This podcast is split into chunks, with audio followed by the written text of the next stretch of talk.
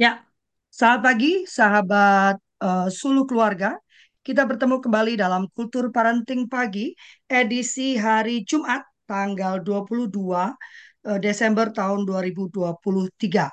Eh, hari ini adalah Kultur Parenting yang kedua terakhir. Eh, jadi karena nanti akan ada satu lagi di minggu depan karena Senin kita akan libur.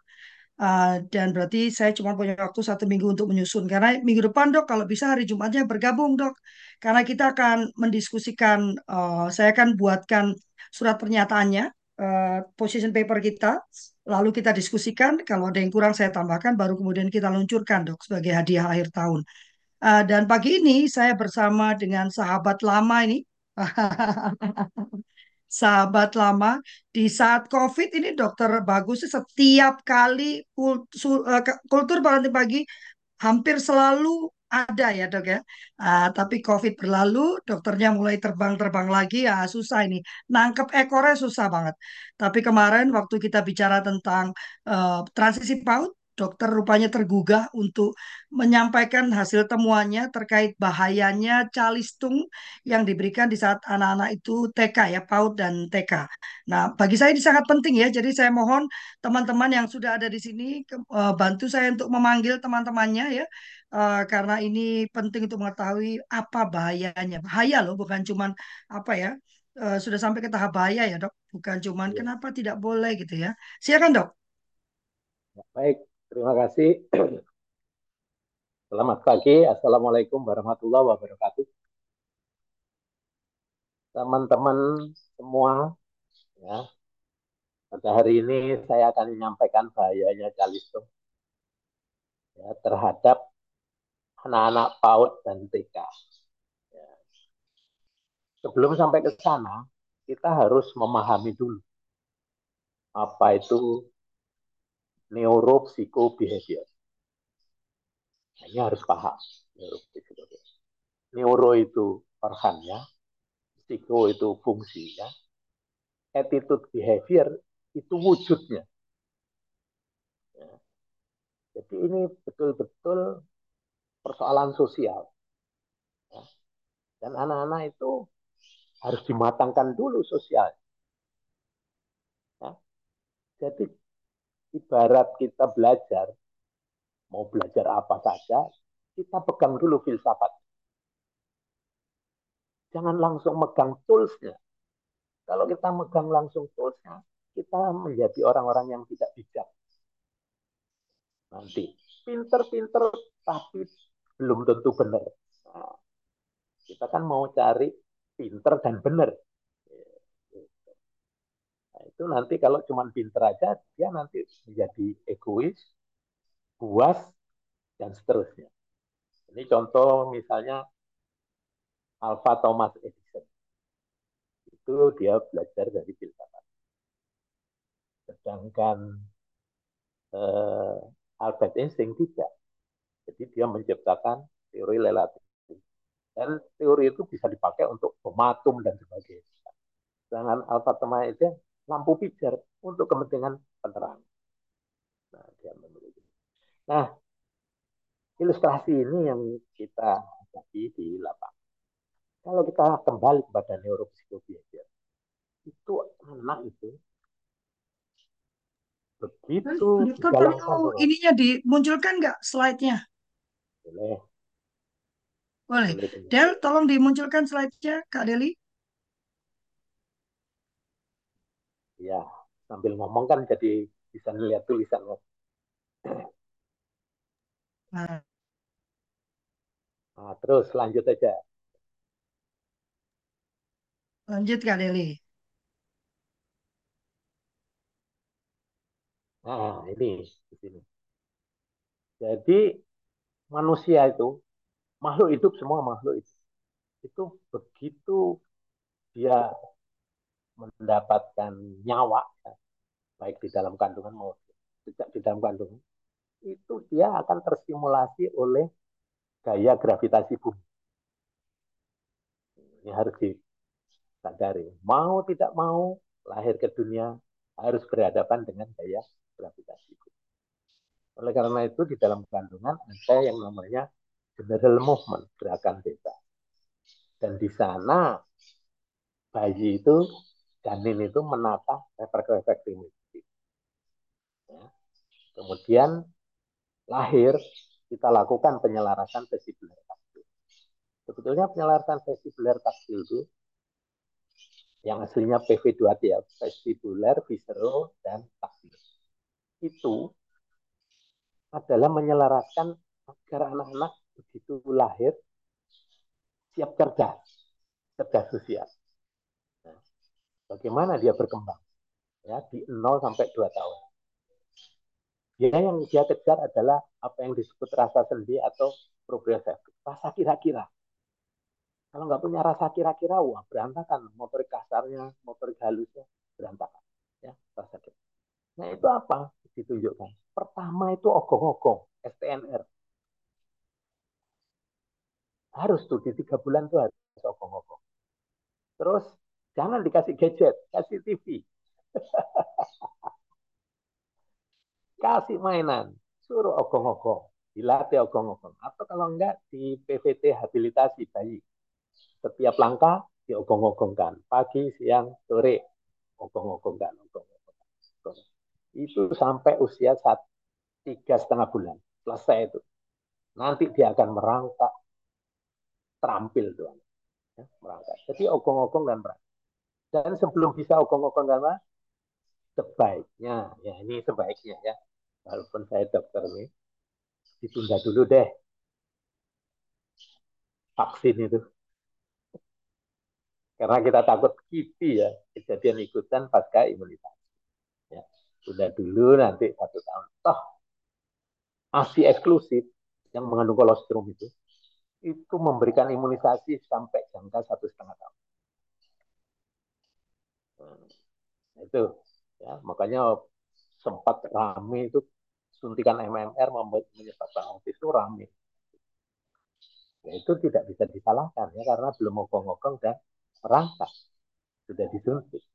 Padahal prinsipnya imunisasi itu disuntikkan pada anak yang sehat, bukan anak yang sedang distraksi ya yang sedang belum sehat ya, belum dapat uh, proprioceptifnya. Nah setelah itu dia akan berkembang, ya, berkembang ke sensori integrasi yaitu mulai dari sensomotorik, praksis.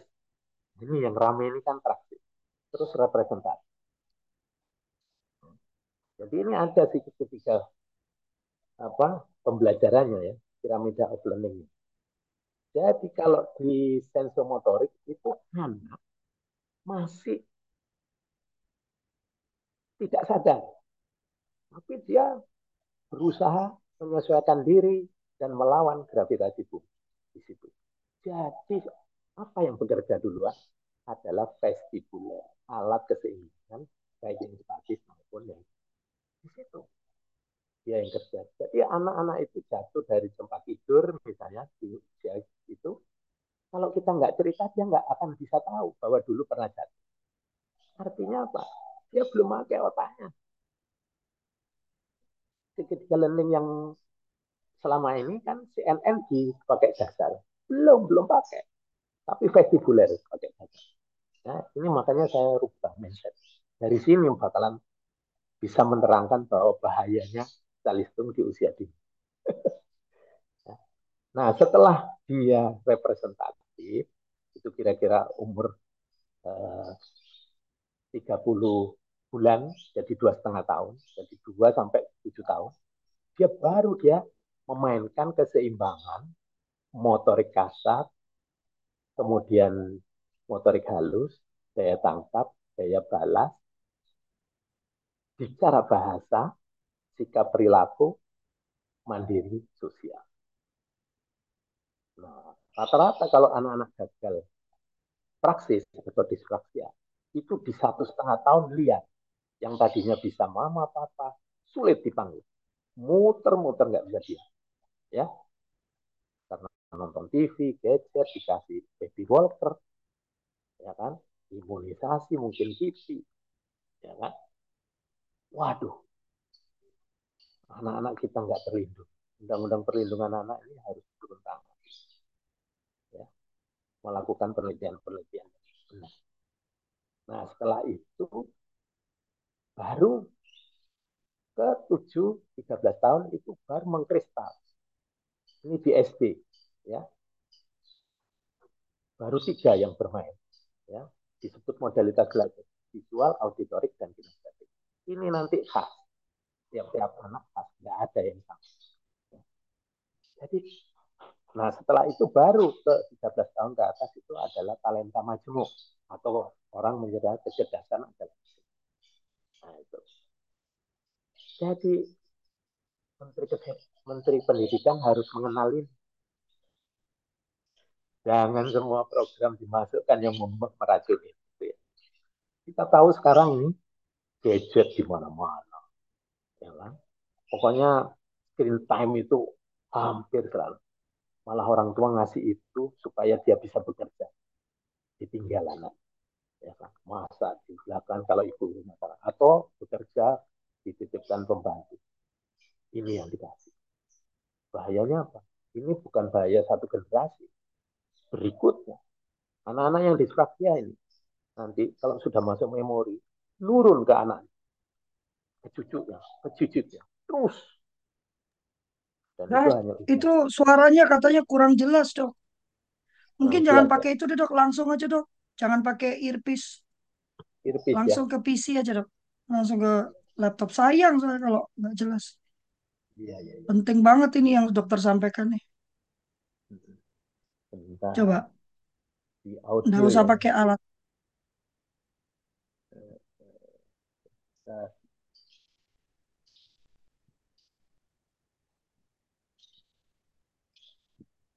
Bentar saya nyuruh anak saya dulu. Coba dok, coba coba bicara dulu dok.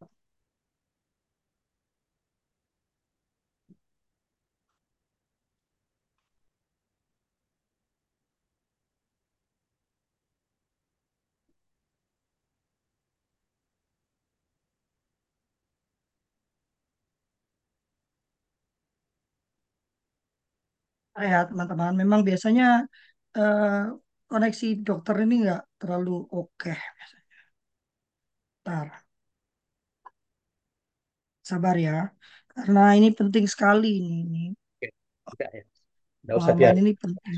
Nah, nah. Jelas, Silakan dok. Halo, coba bicara yang panjang dok.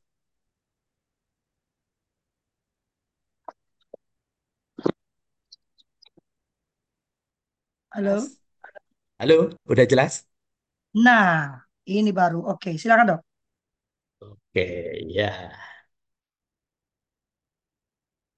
Maaf, terganggu sebentar ya. Udah oke. Jadi saya ulang lagi sebentar ya. Jadi mulai dari dalam perut, ketika ditiupkan ruhnya itu, dia harus berhadapan dengan gravitasi bumi. Ya, begitu lahir, dia harus bisa ogong-ogong dan merangkak. Ya, karena ogong-ogong itu menentukan motorik kasar, sedangkan merangkak menentukan motorik halus. Oke, jelas. Nah, perpaduannya itu motorik halus itu atau rasa kira-kira itu disebut proprioseptif. Ya. Nah, kemudian yang berikutnya adalah berkembang ke mulai dari apa sensori integrasi itu berkembangnya itu mulai dari sensomotorik, praksis dan representatif. Itu di 0 sampai 2 tahun. Itu. kemudian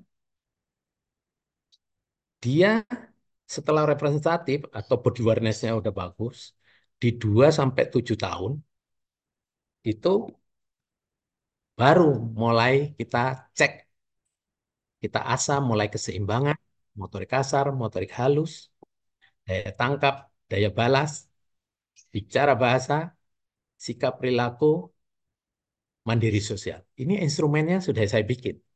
Ya. Dari instrumen ini, guru-guru yang udah terampil, tahu, wah ini dari jauh aja dia tahu, wah ini anak ini gangguan ini, gangguan itu, ya tahu. Karena udah terbiasa ketika PBDB tesnya masuk, di SD-SD yang ada saya pakai itu. Wah enak ya dok pakai ini ya. Orang tua udah nggak bisa ngelak lagi, nggak bisa denial. Kalau dia macam-macam ya udah kita nggak mau terima gitu. Nah kan jadi itu. Kalau mau inklusi, inklusi biayanya sekian. Nah itu. Ya. Jadi Bapak Ibu sekalian, anak-anak ini harus bermain. Bukan calistung. Kalau calistung itu sama dengan dipasung delapan keterampilan kognisi. Apakah kita harus memasung anak-anak ini? Anak-anak ini sedang-sedangnya mau main keseimbangan. Kita lombakan aja. Ayo siapa yang bisa meniti ini 4 meter, saya kasih permen. Itu kan lebih bagus. Ya kan? Sehingga keterampilan kognisi ini dia punya. Dan anak-anak yang prima dalam keterampilan kognisi tidak bisa dibohongin. Dia cocok menjadi juragan. Menjadi seperti apa? Lipo ya. Orang-orang Lipo itu yang jadi juragan-juragan. Ciputra itu kelas 2 SMP-nya nggak naik tuh ya tapi dia bisa memperkerjakan orang S3 ya. apakah kita nggak ingin punya generasi yang seperti itu? Yang bisa menciptakan lapangan kerja bukan yang mencari lapangan mencari kerja. Kalau keterampilan kognisi ini nggak prima males dia mau mikir yang lebih luas. Udahlah saya mau jadi pegawai aja. Rame-rame itu daftar menjadi pegawai. Angkatan kerja pengangguran banyak di mana-mana. Nah, menjadi tenaga kasar aja nggak bisa. Eksplorasi nikel di Kendari. Padahal mau dibuat menjadi bahan setengah jadi, jangan bahan mentah. Karena kita nggak ada yang bisa, ya kan? Datangkan orang Cina dari sana, kita kan nggak bisa percaya lagi itu orang asing apakah setengah jadi apa enggak. Bisa jadi itu belum jadi di bawah sana yang bagus-bagus. Nah, di sinilah pentingnya keterampilan kognisi itu mulai dari PAUD TK.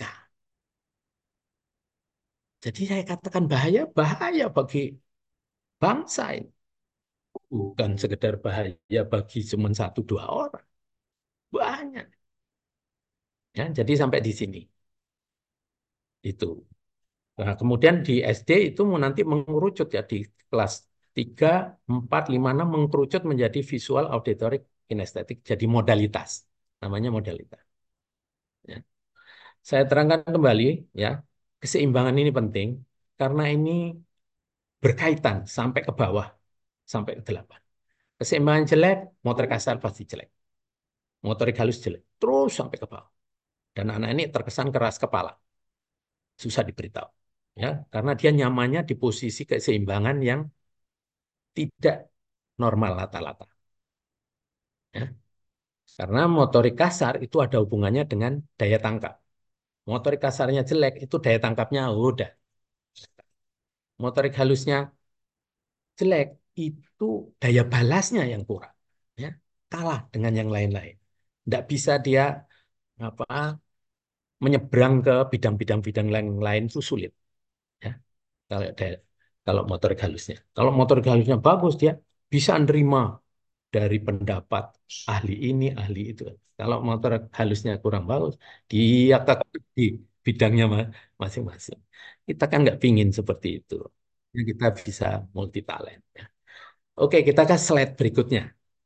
Ya, slide berikutnya. Coba kita lihat slide. Nih, penyebabnya ya. Risiko disfraksia ini selain kontraksi rahim tidak sempurna, juga screen time, baby walker, kipi tadi ya, kejadian ikutan pasca imunisasi. Terus bios dan penenang, ya kan kan anak-anak yang hiperaktif tantrum dikasih bios ya. Atau nggak bisa dipanggil, dianggapnya tuli, di bios, di tes berak. Biosnya ini yang berbahaya. Tes berak. Ya. Jadi anak-anak habis dites berak, aneh-aneh udah. Jadi bius dan TSPR itu sama dengan dinarkobakan. Dia senang dengan itu nanti kecanduannya. Terus yang terakhir nih, saya tulis calistung dengan huruf besar. Ini mbok ya di pendidikan berubah karena udah di di sebelumnya sudah kayak begitu ada baby walker, ada screen time, ada itu mestinya diselesaikan jangan ada calistung lah di TK. Kalau TK itu bisa menyelesaikan disfraksia ini, kita acungin jempol. Udah masuk TK aja bisa bagus. Nah, gitu. Ya kan? Jadi saya, saya ingin mengharapkan itu PAUD dan TK itu menjadi apa pendekar menyelesaikan ini. Bukan justru memasung dengan calistung.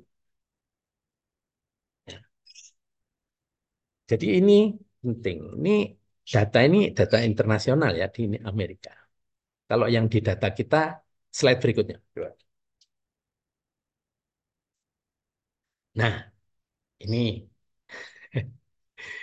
coba ini instrumen saya itu yang saya pakai ya. Itu menggunting siksa, menggunting lurus, mewarnai. Ini mau masuk SD. Seperti ini. Coba, zaman kita dulu ya, kecil, itu suka disuruh orang tua ya kalau mau nganter anteran makanan gitu. Terus di piring itu kan dialasi dengan daun pisang itu kan, yang harus bulat. Kita bisa dulu gunting bulat, rapi-rapi. Masih kecil-kecil. TK. Sekar, boro-boro. Ya, itu. Nah, tesnya itu ada di sampingnya itu. Contohnya ya, saya tes. Itu ada keseimbangannya gangguan ya. Itu rata itu gangguan. Walaupun ringan. Akhirnya masuk inklusi.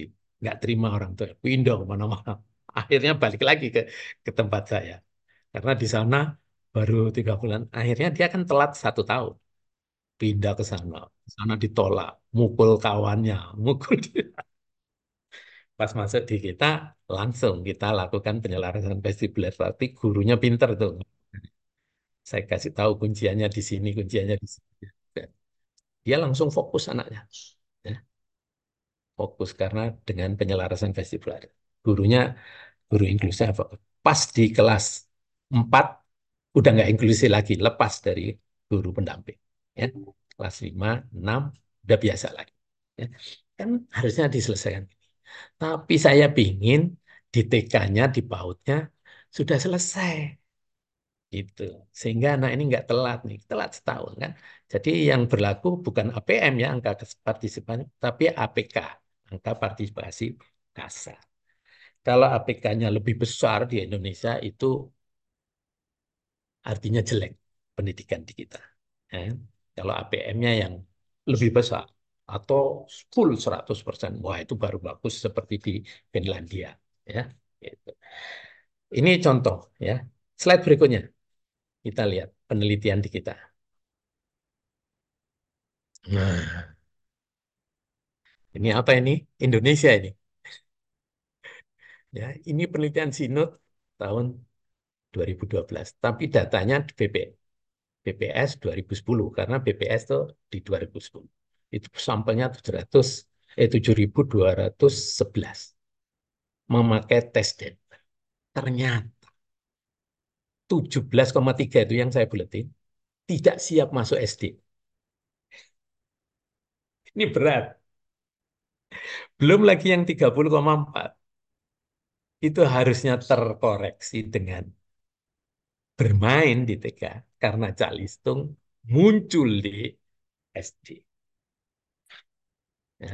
Sedangkan yang 17,3 ini karena di BIUS, di tes beran, ya, akhirnya masuk SLB yang 17,3. Itu banyak. Sekarang coba lihat jumlah SLB dia. Baik yang swasta pun besar sekali. Bukannya ini malah petaka. Ya. Itu makanya saya katakan bahayanya itu. Itu saya katakan bahayanya sekali lagi. Ini ini di 2000 ini tidak dikeluarkan waktu itu zamannya SBY. Ya kan? Menterinya yang sudah meninggal itu Endang Setia. menterinya stres juga, tidak dikeluarkan. Terus cari alasan, alasannya karena sponsornya susu formula. Tapi saya kan nggak tinggal diam, saya potret, cepret. Ini potretan. Ya, asli ini. Ya, jadi saya butuh data-data asli seperti ini. Oke, lanjut ya. Kita lanjut. Lanjut. Slide-nya kita lanjutkan. Jadi, nah, kita lihat nih. Sementara di dunia memakai piramida of learning yang sebelah kiri. Central nervous system, bayangin. Otak bayi itu, di saat bayi itu sudah pakai otak. Kalau saya enggak. Saya reform konsepnya. Pasti. CNN-nya di mana? Central nervous. Di, di puncak. Di puncak. Representatif toh. Ya kan? Jadi harus dirubah ini. Coba di segitiga yang lama nggak ada touch. Artinya apa? Tidak memperhatikan motorik halus. Oke, hanya motorik kasar aja. Karena apa? Gustatory, visual, auditory, dan olfaktori itu cukup motorik kasar. Tidak motorik. Sedangkan touch butuh motorik halus. Ya kan? Kalau touch nggak pakai motorik halus, megang anaknya orang kayak ditempeleng gitu. Ngamuk orang, ya kan gitu.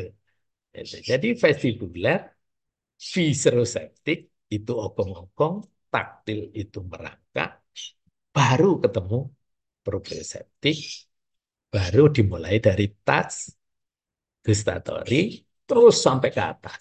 Nah ini yang disebut sensomotorik di awal, yang kedua adalah praksis, itu subconscious, ya, anak sudah subconscious tapi terus kemudian yang conscious itu yang representatif di puncak. Itu baru pakai CNN. Yang di bawah-bawahnya enggak cuma niru-niru aja, ya kan? Di praksis itu niru-niru aja. Anak-anak yang nggak bisa niru-niru udah mulai hati-hati itu, ya. Oke. Slide berikutnya. Nah, ini sebetulnya ramuannya. Wah, ini pusing nih. Ini orang neurologi nih harus bisa ya. Makanya saya ciptakan ini, bukan saya ciptakan ya, saya kreasi ya. Kalau yang cipta maha pencipta lah Tuhan. Ini udah ilmunya Tuhan. Saya cuma mengkreasi dari ilmu Tuhan. Nah, seperti itu rumusnya. Ya, dari mulai bawah ke atas, vestibuler ya. Itu. Ya. Ini sudah di bahasa Inggris kan. Udah masuk di prosedingnya Belanda sana geger di sana di Institut Max, Planck mulai itu misit-misit tuh anda dari mana-mana datanya saya kasih datanya geleng-geleng kepala dia dia nanya kapan mau datang ke tempat kami ya Hah? asal mau bayar berapa Oke, slide berikutnya ya. Ini kalau orang apa, nah, disfraksia. Saya mulai dari ADD. ADD itu dia ogong-ogong, tapi nggak bisa merangkak. Artinya apa? Motorik halusnya motorik halusnya tidak hidup. Jadi pegang pensil aja nggak mau. Ini ADD. Dia diem, tapi usrek. Tahu usrek? Waduh, nih yang Jember ngerti itu usrek. Di tempat tapi nggak bisa diem. Terus kalau ngerjain pekerjaan, kawan-kawannya satu jam, dia bisa dua jam, tiga jam. Akhirnya pulang. Nah, ya. nah anak-anak ini kalau disuruh calistung, bahaya. Ya kan? Bahaya. Ini harus dieksplor. Motorik kasar, motorik halus, main titian, ayunan, ya kan? Kemudian suruh main ke lapangan. Ayo, coba cari kumpulkan daun mulai daun yang kasar sampai yang halus, susun. Nah, ini pasti gangguan nih karena motorik halusnya. Ya. Dan anak-anak ini jadi picky eater. Karena ini di gangguannya di sensorik. Picky eaternya adalah seleksi kecap. Jadi yang bubur-bubur dia suka, tapi yang kriuk nggak bisa. Ya, makanya disebut picky eater. Picky eater. Dan ini berisiko apa? Disleksia, bukan speed delay ya. Disleksia. Kalau disleksia itu terbalik-balik. Nulis B huruf kecil, dia bisa sebut D. Nulis D bisa. Dia anak-anak seperti ini karena sensorinya terganggu, dia lebih percaya kepada bayangan kaca. Bayangan kaca yang dia percaya. Yang lihat di kaca, oh yang sebelah kiri mana? Pakai sepatu kiri, yang kanan yang dipakai. Seleksi. Terus ngomongnya kayak ngomong bahasa planet, ya jelas ya. Begitu sudah di PVT jelas, nanti ada aja yang kurang. Ya, nyebut R sama L nggak bisa bedain. Nah, ini yang perlu ke TW ya. TW. Nanti TW itu ngerti ini. Ya. Ini ADD ke TW. Ayo slide berikutnya. Jadi yang bergeser itu yang sebentar. Ini yang bergeser itu yang merah ya. Tidak segaris lagi itu di batang otaknya itu. Geser ruasnya ya. Nah, kalau yang ini kan ATNR ini satu ruas itu udah bergeser tuh. Bergeser. Padahal bergesernya sedikit, tapi karena itu disarap dampaknya besar. Jadi sakulus kontrol di shoulders ini. Ya. Jadi bagian sakulusnya ya kaku. Ya, gelang kaku yang merah itu gelangnya kaku. Jadi dia tidak merangkak, tidak ATNR. Tertarik ke atas sarafnya, ya kan, gitu. Karena ATNR itu nariknya ke atas. Slide berikutnya. ADHD. Ini masuk golongan, jadi dua itu ADD dan ADHD itu SPD ya, sensory process disorder. Ini langsung merangkak, nggak ada ogong-ogong.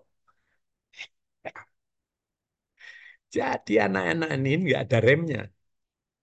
Lari ke sana ke sini, jedut tembok das. Ya, benjol-benjol, nggak bisa dipanggil. Jadi ini gelang yang dua ya, di utriculus itu, utriculus control disorder, dua gelang itu yang kaku.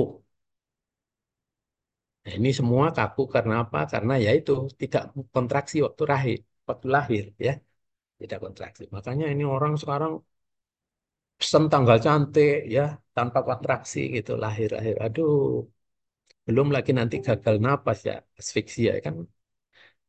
Eh, kontraksi rahim itu menunjukkan matang.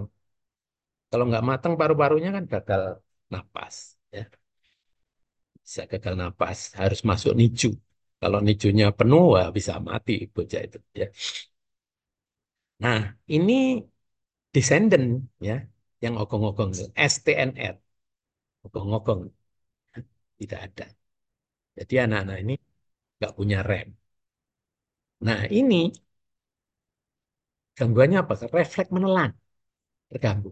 Jadi kalau kumur-kumur lebih banyak ditelannya daripada dibuang. Ya. Nah, nah ini kalau masuk TK dicalistukan, waduh, tidak terkoreksi lagi, ya kan? Tidak bisa melihat temennya lagi makan yang bagus, macam, lagi loncat tinggi, lagi apa bersiul dan karena refleks menelannya terganggu, maka sulit menggerakkan kita suara. Ini yang disebut speed delay, bukan disleksia speed delay. Tidak ada suara. Tarik tangan teman, tolong dong ambilin itu, enggak ngomong dia. Tangannya temannya dia suruh ngambil kan. Nah, ini speed delay. Jadi harus dibedakan ya speed delay dengan dyslexia. ADHD itu speed delay. Ya. Dan ini mengoreksinya tentu dengan PVT lagi bagaimana. Slide berikutnya. Nah, ini ADHD dan ADHD itu adalah kelompok SPD. Nah, sekarang ASD. ASD itu nggak ada lagi kelompok-kelompoknya. Ini yang paling berat. Dua-duanya kaku. Total vestibuler. Geser semua duanya. Jauh itu gesernya. Nah, ini sulit betulnya. Ya. Nah, ini kadang-kadang Dan kasusnya sangat jarang sebetulnya.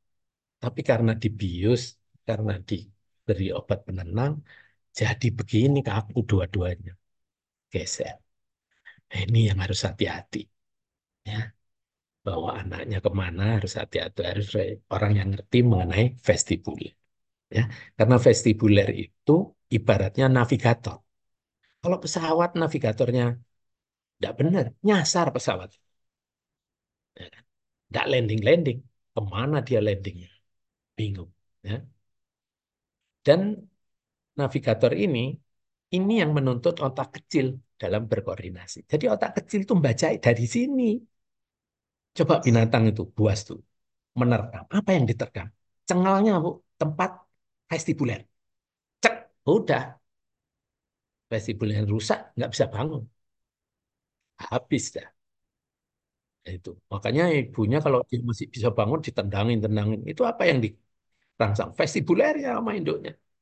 Supaya dia bisa berdiri. Ya. Jadi kita harus belajar juga dari binatang. Itu Tuhan yang ngasih tunjuk. Oke, slide berikutnya.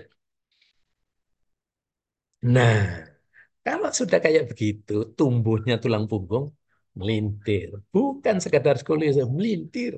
Banyak saraf-saraf dari foramen itu terjepit. Duduknya visiting. Punggung itu coba sumbu bahu dan sumbu pinggul. Saya kasih garis. Tidak sejajar dan tidak sebidang. Terkesan kakinya panjang sebelah. Padahal turun. Ini banyak nih datang ke tempat saya. Nah, udah apa di terapi di rumah sakit sekian tahun, udah empat, empat tahun ya. Berarti mulai dari dua, dua tahun. Empat setengah lebih ya, dua setengah. Pas saya cek kakinya masih turun sebelah. Apa yang dikerjain di rumah sakit? Saya PVT tiga set, tiga set bu, langsung hari itu juga, detik itu juga sama kakinya. Langsung hanya diam, tidak loncat-loncat lagi. Karena udah sejajar sama, enak menyesuaikan diri dengan gravitasi pun. Ya, diam dan fokus. Nah, ibunya geleng-geleng kepala. Nggak pernah dok seperti ini. Baru ini. Cerita ke mana-mana. Ini yang bikin saya nggak pulang-pulang. Gara-gara cerita ke mana-mana. Cerita di medsos. Ya kan seperti. Jadi wesiting dan tulang punggung yang melintir. Slide berikutnya coba. Nah, jadi ya ini vestibular. Karena yang dominan, misalnya yang dominan, yang kakinya yang pendek terkesan maka dia akan jinjit jalan untuk menyelesaikan. Jinjit sampai gede jinjit. Kalau perempuan nggak apa-apa ya, bisa diakali pakai sepatu hak. Setelah gede. Nah ini, apa mau didiamkan ini? Di TK, dicalistungkan anak begini. Wah, jangan. Ya. Jadi kita itu sudah terpapar tadi yang saya sebutkan ya, kontraksi sudah tidak sempurna, lahir sudah kena gadget, screen time, kemudian kipi, baby walker, tambah lagi calistung. Waduh. Harapan saya terakhir tuh calistung inilah yang benerin. Ya kalau calistung dibenerin ini, hmm, lebih indah Indonesia. Oke, slide berikutnya. Nah, jadi ini yang terakhir ya, slide terakhir. Kita harus rubah reform. Coba itu segitiga. Yang tengah itu piramida of mind, berpikir. Jadi dia berpikir itu dari unconscious, subconscious, conscious. Itu 10 persen. 10 persen aja ini udah bagus sih. Sudah bisa jadi pengusaha. kan kita harapannya itu anak-anak Indonesia jadi pengusaha gitu loh. Supaya negara nggak repot datangkan apa investor. Kita bisa investor di dengan di negeri sendiri dengan tenaga apa dengan SDM kita sendiri. Jadi reform mengenai konsep neuropsikobiologi. Jadi mungkin Menteri Pendidikan paham ini dulu. Baru membuat program-program bagaimana menyelamatkan generasi bangsa dan karena ini menurun secara epigenetik ya dikhawatirkan generasi-generasi berikutnya bertambah. Di tahun 2010 ya atau 2012 kita kan sudah 17,3 persen. Sekarang saya tidak tahu. Yang masuk ke tempat saya itu baru 100 ribu. 100 ribu. Tidak ada apa-apanya. Gempor saya. Ya. Yang kasihan itu yang di ujung-ujung. Apalagi yang nggak punya uang. Ya. Gimana itu? Ya kan karena di BPJS dikasih kalau diberi uang kalau di sesar itu ada dananya ya di, di, pergi ke rumah saya tidak tahu dampaknya setelah lahir anaknya seperti itu butuh biaya banyak orang nggak mampu ya kan apa kembali lagi zaman dulu dipasung dirantai kan? ini juga dikasih didietkan diberi obat penenang itu sama juga dipasung dan itu lebih pendek umur harapan hidupnya.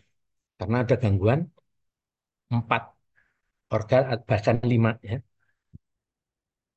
Ginjal eh, hati paru-paru jantung dan yang terakhir otak itu pasti terganggu. Karena dikonsumsinya jangka karena dikonsumsi jangka panjang ketika dia demam dikasih tempera terjadi gagal ginjal. Kan ramai kemarin gagal ginjal. Ya kan? jadi anak-anak yang gagal ginjal itu sudah makan obat duluan jangka panjang. Sebetulnya ya. Jadi ini BP POM harus tanggap itu. Apa yang dimakan sebelumnya? Kok cuman sirup? Apa cuman dua hari kok jadi gagal ginjal yang disalahkan tempera padahal sebelumnya sudah ada. Nah gitu. Ya. Oke saya kira ini yang bisa saya sampaikan. Sudah sudah habis kan ini? Ya. silahkan kalau diskusi. Ini masih ada banyak waktu. Menarik. Kalau sama dokter ini pasti uh, jadi belajar habis ya, bicara tentang tadi kan. Uh, tadi udah saya screenshot berkali-kali dok, saya masukkan ke grup ya, terutama perubahan ini ya, uh, apa uh, piramida Piramid. belajar tadi. Saya juga nggak yakin piramida belajar yang awal aja banyak yang tahu ya, karena Ya. di skipnya banyak biasanya kan. Ada yang mau bertanya teman-teman? Uh, ini uh, masa yang uh, luar biasa ya, karena Dokter Bagus ini sekarang sangat-sangat sibuk ya. Ada yang mau bertanya kah? Para guru terutama? Ini Kak Elizabeth yang di Semarang ya? Yang sudah sekarang Kak Elizabeth yang di Semarang itu jadi ini ya penganut neuroscience. Ya, ya, bagus lah itu. Iya, dia belajar neuroscience dia. Tanya dok. Ada Nah, ini dia Kak Fatimah, silakan. Ya, uh, saya pernah ikut ini seminar. Katanya kalau anak berusia kurang dari tujuh tahun kemudian diajari Charles tuh itu akan merusak bagian otak. Apa ya namanya? Lupa saya. Yang bagian yang kecil itu dok. Yang yang mentil kecil itu ya. Nah itu tapi berdasarkan pengalaman saya pribadi anak anak saya yang bungsu itu belum genap lima tahun sudah bisa membaca.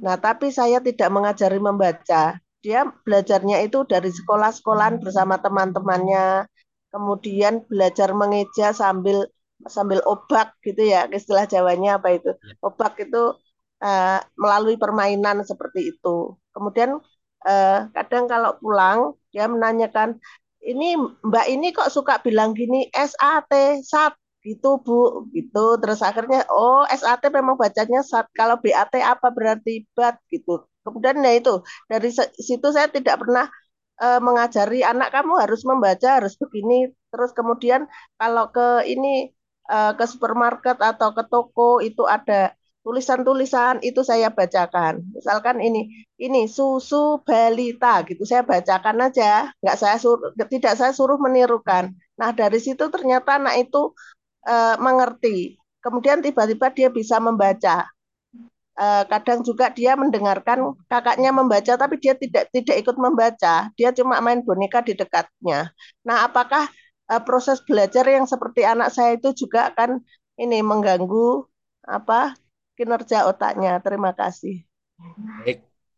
Jadi anak ibu itu sudah dapat representatif, Bu. Dan anak-anak yang dapat representatif langka banyak, tidak banyak, Bu.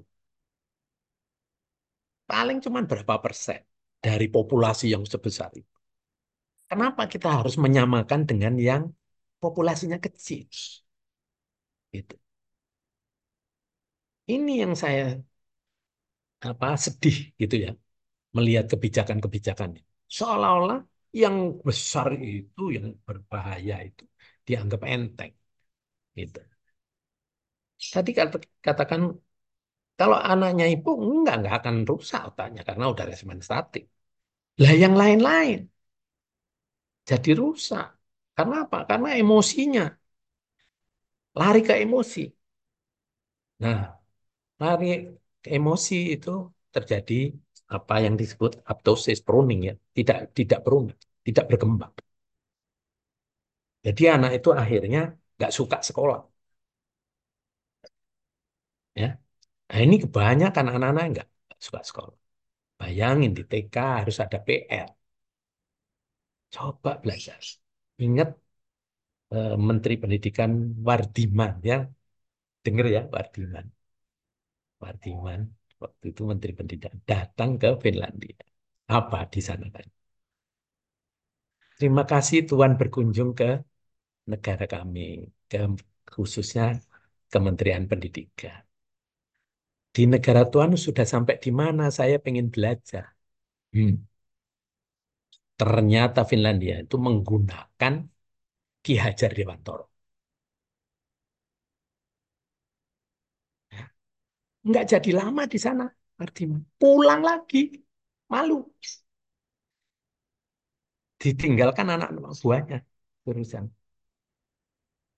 Bingung, Mardiman. Mau menghadapi yang dihadapi konglomerat semua yang proyek-proyek untuk cetak buku dan sebagainya. Wah, nggak sanggup kan merubah itu. Nah, mari kita di kultur Valentine itu merubah itu. Jadi sekali lagi, Bu, ini saya sampaikan ke Ibu, Bu Fatimah ini. Kurikulum itu jangan dirubah. Jadi kurikulum intra, kalau dipisah aja. Intrakurikuler itu kurikulum pemahaman. Ini Ibu Budi. Ini, nah, seperti itu. Itu tetap aja. Dan bukunya nggak ganti-ganti. Bisa dari kakaknya ke adik. Tapi yang ekstrakurikuler silahkan dirubah digital 4, digital. Karena tidak semua anak suka itu. Ya. Jadi harus dipisah itu intrakurikuler. Sehingga anak-anak ini keterampilan kognisi oh, prima semua. Kan itulah fungsi pendidikan. Tutwuri handayani ing ngarso tuntulado ing madya mangun karso kan gitu. Ya. Jadi di sana itu waktu Suwardono Suwarninat dibuang ya sebetulnya belajar di Belanda ya keliling naik kereta mampirlah di Finlandia iseng-iseng dia mengomentarin itu terus dia tanya lah diterapkan di situ diundang lagi dia itu libur lagi ke negara kami kami jamu gitu Suwardono ke situ lagi jadi kita ini udah punya konsepnya yang paling bagus Kenapa mesti ngikutin Wessler segala macam? Ya, kalau di Amerika, asal ibu tahu aja, bapak ibu tahu, belajar di sana sebentar karena nggak belajar filsafatnya dulu. Diajarin langsung pegang toolsnya, cepat selesai. Tapi kalau di Eropa, belajar matematik, apa itu matematik? Gunanya untuk apa? Itu dulu di sana. Baru megang matematiknya. Kalau itu belum ngerti itu, tidak akan dikasih di Eropa. Ya. Jadi belajar yang benar ini memang di Eropa. Ya. Makanya Finlandia itu nggak pernah di urutan keberapa-berapa. Sementara kita kalau lihat OECD itu kan OECD buka aja di kita masuk di kelompok yang lima. Yang pisanya itu tes pisanya itu paling bawah. Ada masih di bawah kita ya beberapa urutannya. apakah kita ini Menteri Pendidikan ini harus melihat ini. Kenapa seperti itu? Ya. Jadi saya ini walaupun dokter bu terjun ke pendidikan. Jadi teman-teman ribut saya ada di pendidikan. Ya udahlah biar dibilang aliran sesat lah segala macam gitu. Tapi saya fair kepada anak-anak. Kenapa? Anak-anak saya tiga-tiganya saya bebaskan tuh mau milih apa aja. Saya tapi saya tes itu mengenai potensi suksesnya. Saya punya instrumennya, cuma 200 pernyataan. Saya suruh milih. Dapat itu. Tak. Ke sini. Orang tua yang nanya-nanya, banyak yang ikut itu. Waktu itu saya bukain. Gitu. Nah, kembali ke anak-anak inklusi tadi, yang jadi inklusi itu jadi karena disfraksia. Itu sebaiknya nanti kalau misalnya inklusi di inklusi itu hanya ada di guru tunggal. TK sama SD. Bagaimana di SMP? SMP itu bukan inklusi, integrasi. Jadi hanya pelajaran yang dia sukai diberikan di SMP. Sisanya misalnya cuma lima, sisanya berarti delapan. Delapannya diarahkan ke pemandu minat bakat. Setelah itu langsung masuk SMK sesuai minat bakat, nggak inklusi lagi. Dia dapat habitatnya. Ya, terus mau masuk di perguruan bisa ke D3, D4, ya, dan seterusnya.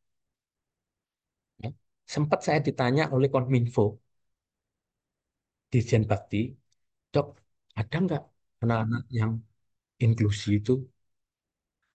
Pandai-pandai mau saya ber ada tapi ya itu pendidikannya harus dibenerin dulu seperti itu ya. Jadi SMP nggak ada namanya SMP inklusi SMA juga nggak ada SMA inklusi ya. SMA itu bukan tempatnya anak inklusi ya dengan anak integrasi inklusi. ya integrasi ya Oke, Saya kasih baiklah. satu pertanyaan lagi ya, karena sudah Satu. lebih dari jam 8. Kak Ya, Elmawati silakan. Oke, dok, eh, saya mau meminta apa ya instrumen, maksudnya bukan meminta, maksudnya buku-buku dokter yang bisa saya adopsi karena memang saya guru ya dok. Jadi butuh sekali hal-hal seperti itu. Kadang kalau sudah tua begini lupa-lupa gitu kalau free ya. Jadi kalau ada bukunya, jadi saya bisa lihat juga gitu. Oh ya instrumennya seperti ini untuk eh, apa melihat eh, minat bakat anak tersebut gitu dari mulai nol sampai dengan tujuh tahun dok gitu. Ya, Kalau jadi kalau- eh, mau beli bukunya dok gitu dok. Oh, ya, ya. Kalau minat bakat itu baru di SMP kelas 2, Bu. Ya, iya tadi. iya betul. Maksudnya dari dari dari observasi itu akan kita lihat apakah dia itu pola asuh dari orang tua, lahir dan sebagainya. Kita bisa lihat gitu. Ini kemampuannya ke mana gitu. Mungkin lebih baik membeli bukunya dokter yang kemarin tuh dok, yang Ya, waktu itu pernah ya. biji Kalau dulu ya, Mau itu. ini mau beli gitu kita. Mm-mm, mm-mm. Bisa dok. Ya bisa ada itu di Tokopedia ya si Nungki itu yang punya kerja. Iya. Tokopedia ya. Tokopedia ya dok. Mungkin boleh diketikkan judulnya dok, nanti di di chat supaya bisa dicari Sebetulnya yang di di, di buku itu pengaruh eh, pengaruh PVT terhadap kecerdasan sosial. Pak. Cuman di dalamnya cerita-cerita itu. Oh iya, boleh boleh. Ya jurnal-jurnal dokter kan.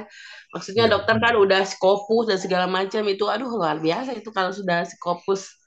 Berarti eh, di dalam buku itu ada ada cerita-cerita dokter gitu. Ya cerita Tentang mengenai penelitian, terutama Oh iya, penelitian. Iya iya betul betul.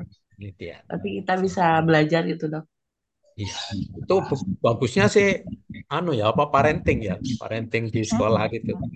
Iya, Iya iya saya betul. suka parenting karena kan saya duduk di Badan Musyawarah Perguruan Swasta. Saya tuh Hmm. pernah parenting sama dokter di Universitas Muhammadiyah Sukabumi dok. Jadi Oh iya iya iya. makin makin saya kejar dok eh, bukunya dok karena memang tertarik banget. Oh iya yang di universitas itu ya, Iya betul dok. yang bekasnya apa itu Pemda ya dipakai Ya universitas. betul. Yang sama eh, Pak Iwan dari Iya. Kementerian. Ya, Kementerian. perlindungan anak. Ya, Iya perlindungan ya anak. perlindungan anak itu dok. Jadi saya kejar bukunya, Dok. Ya, ya, ya. Nanti diminta itu Bu Lovely bisa ngomong sama Nungki itu. Nungki ya. Oke, Ya. siap, siap. Kalau Judulnya apa judulnya tadi informasinya. Kenapa? Pengaruh PVT ya, penyelarasan Oh. PVT. Vestibular Ya. terhadap kecerdasan sosial balita. Kalau instrumen-instrumen itu, Dok, eh, indikator-indikator yang kita bisa mengarah ke anak ke SMP atau ke SMA gitu. Yang tadi dokter bilang bahwa dokter punya eh, indikatornya gitu. Ya, Bisa. Nah, kita nanti kita, Jadi kita yang bisa mengaturkan ya, yang mengaturkan jadwal dokter ini Kak Nungki ya. Nanti mungkin saya akan share eh, kontaknya Kak Nungki gitu ya, Dokter Bagus ya. ya. Ya, bo- boleh itu Kang, boleh, boleh. Ya, nanti silakan teman-teman kontak Kak Nungki, lalu atur-atur jadwal termasuk eh, apa dokumen eh, dokumen-dokumen atau eh, apa pada terbitan-terbitan yang dimiliki oleh Dokter Bagus yang bisa Ya, digunakan. ya, Betul. setuju, setuju. Cocok Ya, ya, namanya cocok ya. Ya, Kang, ya. Ya, cocok, nanti Ya, cocok ya, cocok.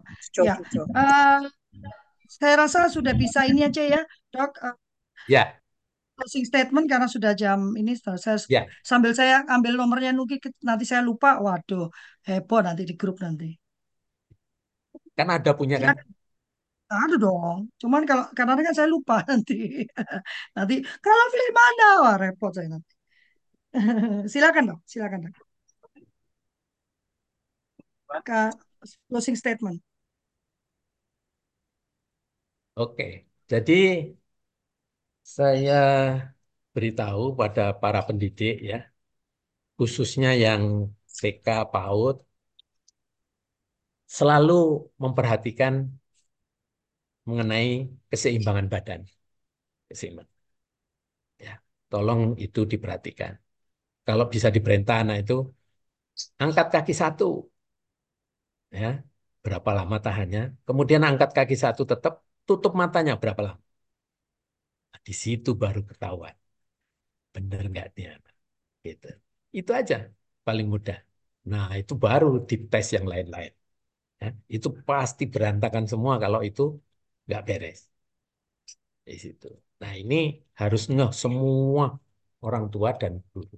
Saya kira keseimbangan atau vestibuler itu adalah sesuatu yang penting pada pendidikan anak usia dini. Jadi bukan yang lain-lain. Ya. Saya kira itu yang bisa saya sampaikan. Semoga guru-guru PAUD mengerti mengenai vestibuler. Terima kasih.